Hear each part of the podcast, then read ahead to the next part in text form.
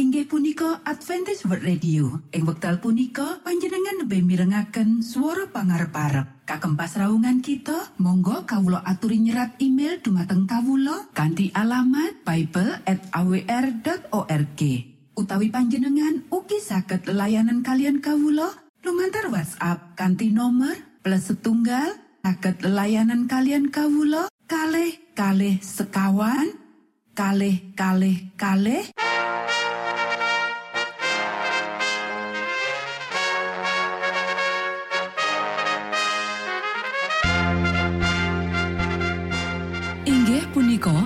Adventist World Radio ingkang giaran kanti basa Jawi. Tentrem Rahayu kula aturaken kagem para mitra kinasih ing pundi papan lan panggonan. Sugeng pepanggian malih kalian Adventist World Radio. Kanti bingahing manah Kulo badi sesarengan kalian poro mitra kinasi. Lumantar saperangan adicara ingkang sampun rinonci. Mligi kagem panjenengan sami. Mugi giaran punika saged migunani tuwin dados berkah kagem kita sedaya. Sugeng midhangetaken Gusti amberkahi.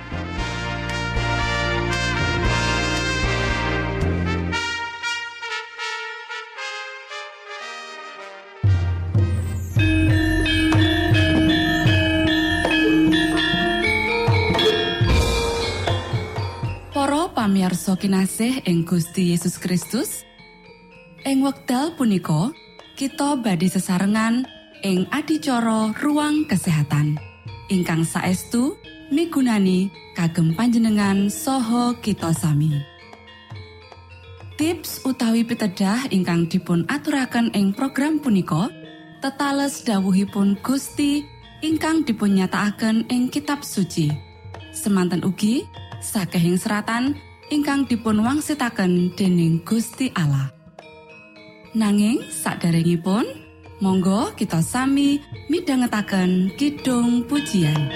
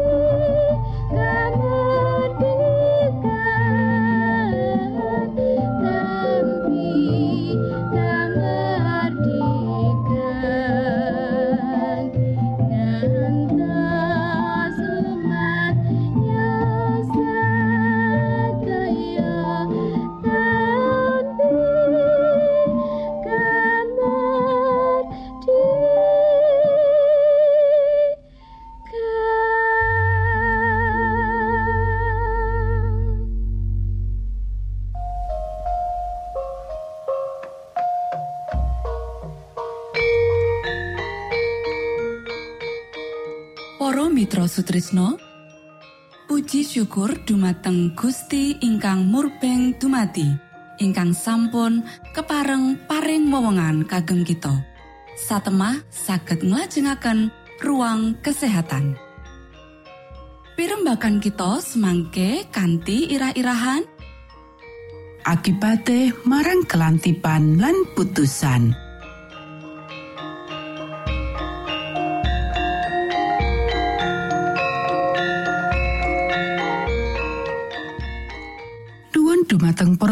Para pamiarsa ingkang dahat kinurmatan sugeng pepanggian malih kalian kula Isti Kurnaidi ing adicara ruang kesehatan. Ing dinten punika kanthi irah-irahan akibate marang kelantipan lan putusan. Para sederek ingkang kinasih pirang-pirang wong ora bisa diyakinake ngenani wigatine panganan lan omben-omben kanggo kaluhuraning Gusti Allah. Pemanjaan hawa nepsu mengaruhi iku sakjroning kabeh aspek panguripan. Bab iki katon sakjroning lingkungan keluarga, pasamuan, kumpulan panjunan tungo, lan sakjroning watake anak-anake. Iku sing dadi ipat-ipat sakjroning panguripane. Koe ora bisa yakinake dheweke marang kabeneran wektu iki. Para sederek, Gusti Allah wis nyawisake kanthi limpah rejeki lan kapagiane kabeh titah ciptaane. Menawa angger-anggere ora diterak lan kabeh wong mlaku selaras karo karsaning ilahi, mula kesehatan, ketentreman, lan kapagian bakal dialami kantine kasangsaran lan piolo sing terus-terusan. Panebus dosa iki mirsani menawa pemanjaan selera bakal nggawa kelesuan fisik, organ sing sesambungan karo pangerten bakal mati nganti perkara-perkara suci lan langgeng ora bisa dibedakake. Sang Kristus mirsani menawa donya wis pasrah marang kamurkan lan menawa pemanjaan iki bakal ngrusak kuasa moral. Pemanjaan nepsu iki kuat banget mengaruhi titah manungsa nganti kanggo mutungake kuasa iki Gusti Yesus perlu poso meh minggu kanggo menungso iku dhewe.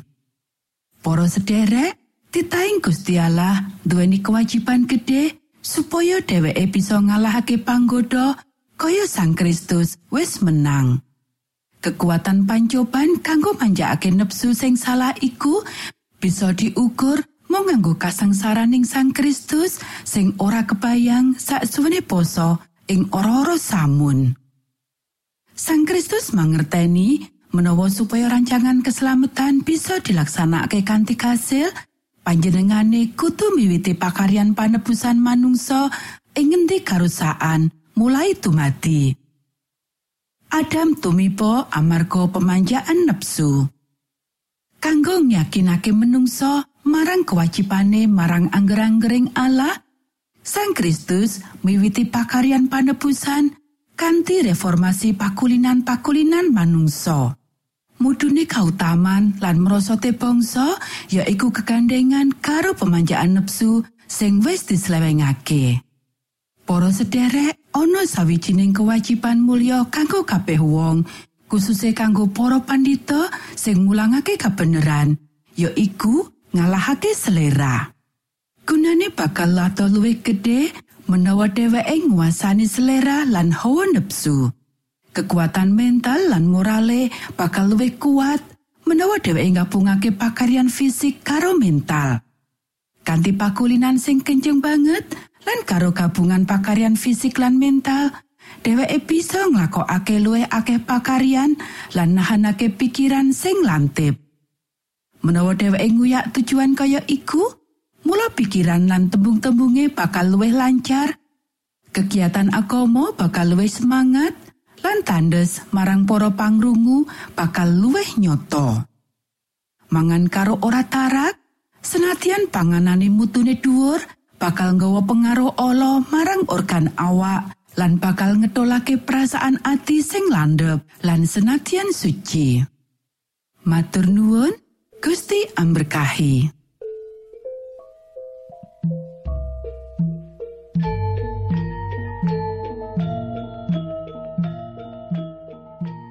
Cekap semanten pimbakan ruang kesehatan ing episode Tinten punika. Ugi sampun kuatos jalanan kita badi pinanggih malih ing episode sak lajengipun.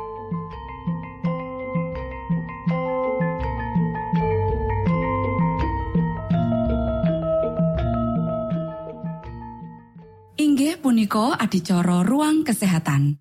Menawi panjenengan gadah pitakenan utawi ngersaakan katerangan ingkang langkung Monggo kulo aturi Kinton email dateng alamat ejcawr@ gmail.com utawi lumantar WhatsApp kanti nomor 025 pitu 00 songo songo papat 00 pitu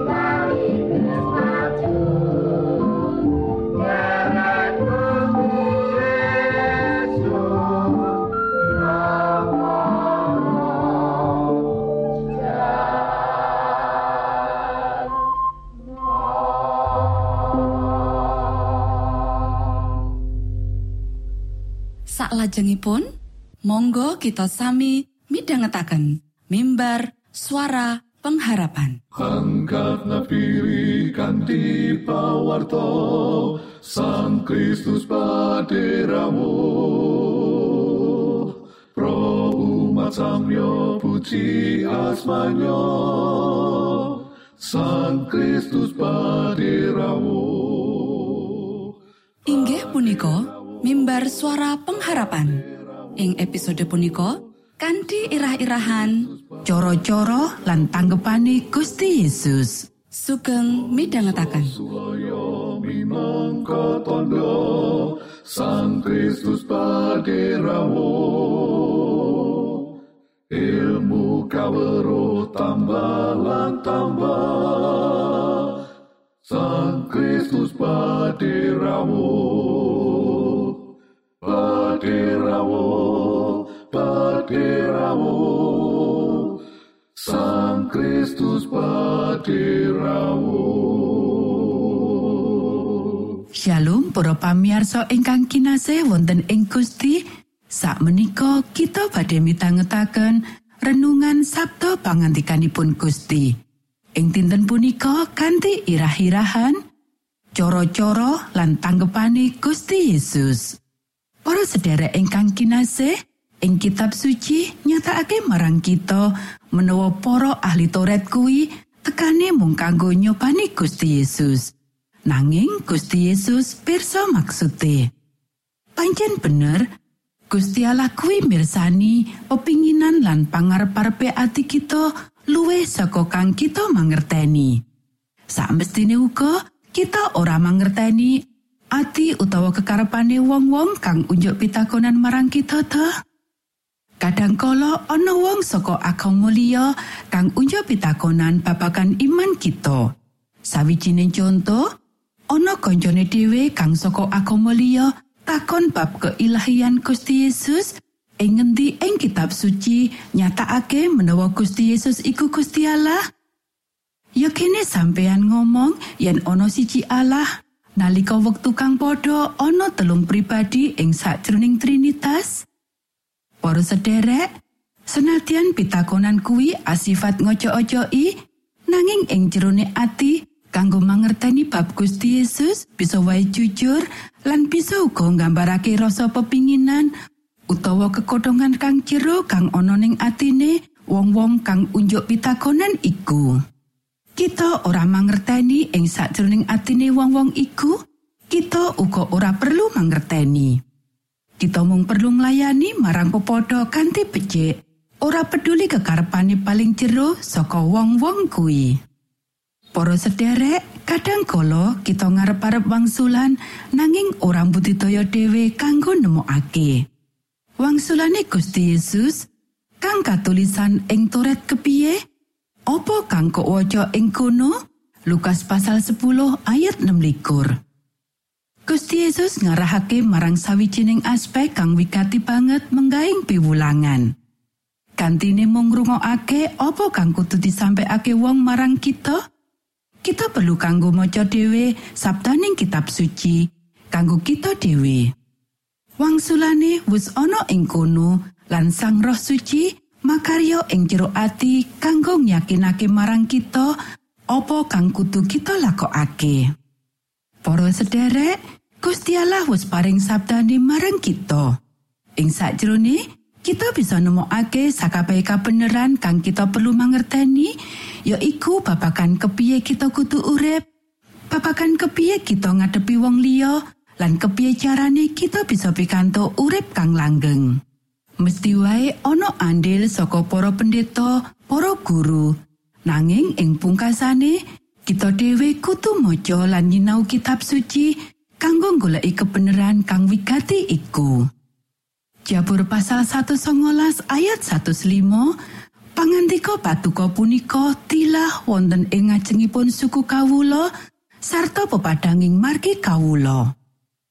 Ayat iki tutumung geguritan. Kuwi ngono sawijining kabeneran kang suci kang ngarahake kita marang sabda pangantikaning Gusti Allah lan wigatine sang sabda kuwi menggaing umat kang pracaya. Monggo kita sami ndedonga. Duh Rama kawula ingkang wonten ing swarga, asma patuko mugi kasucikaken. Kraton patuko mugi rawuh, karsa patuko mugi kalampahan wonten ing bumi kados dene wonten ing swarga. Kawula mugi kaparingan rejeki kawula sak cekapipun ing dinten punika. Saha patuko mugi ngapunten kalepatan kawula kados dene kawula inggih ngapunteni tetiang ingkang kalepatan dhateng kawula. Punapa dene kawula mugi sampun ngantos katantukaken dhateng ing panggoda nanging mugi sami patuko uwalaken saking piawon. Awit dene patuko ingkang kagungan kraton saha wisesa tuen kamulyan salami laminipun. Amin.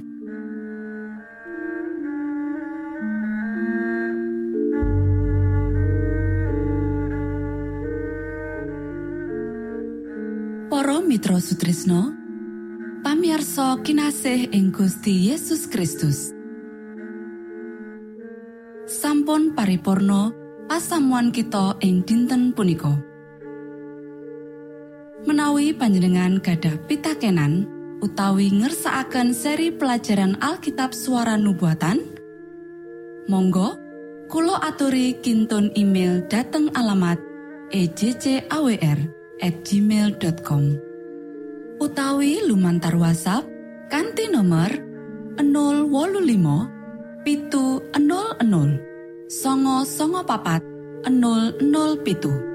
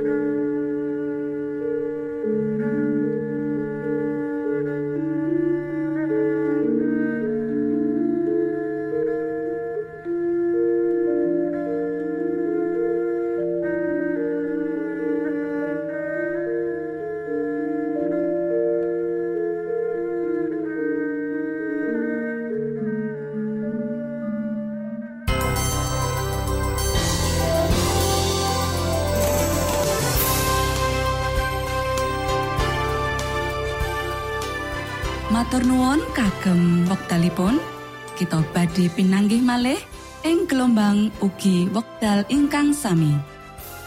Saking studio kula ngaturaken tentrem rahayu. Gusti amberkahi kita sedoyo Maranata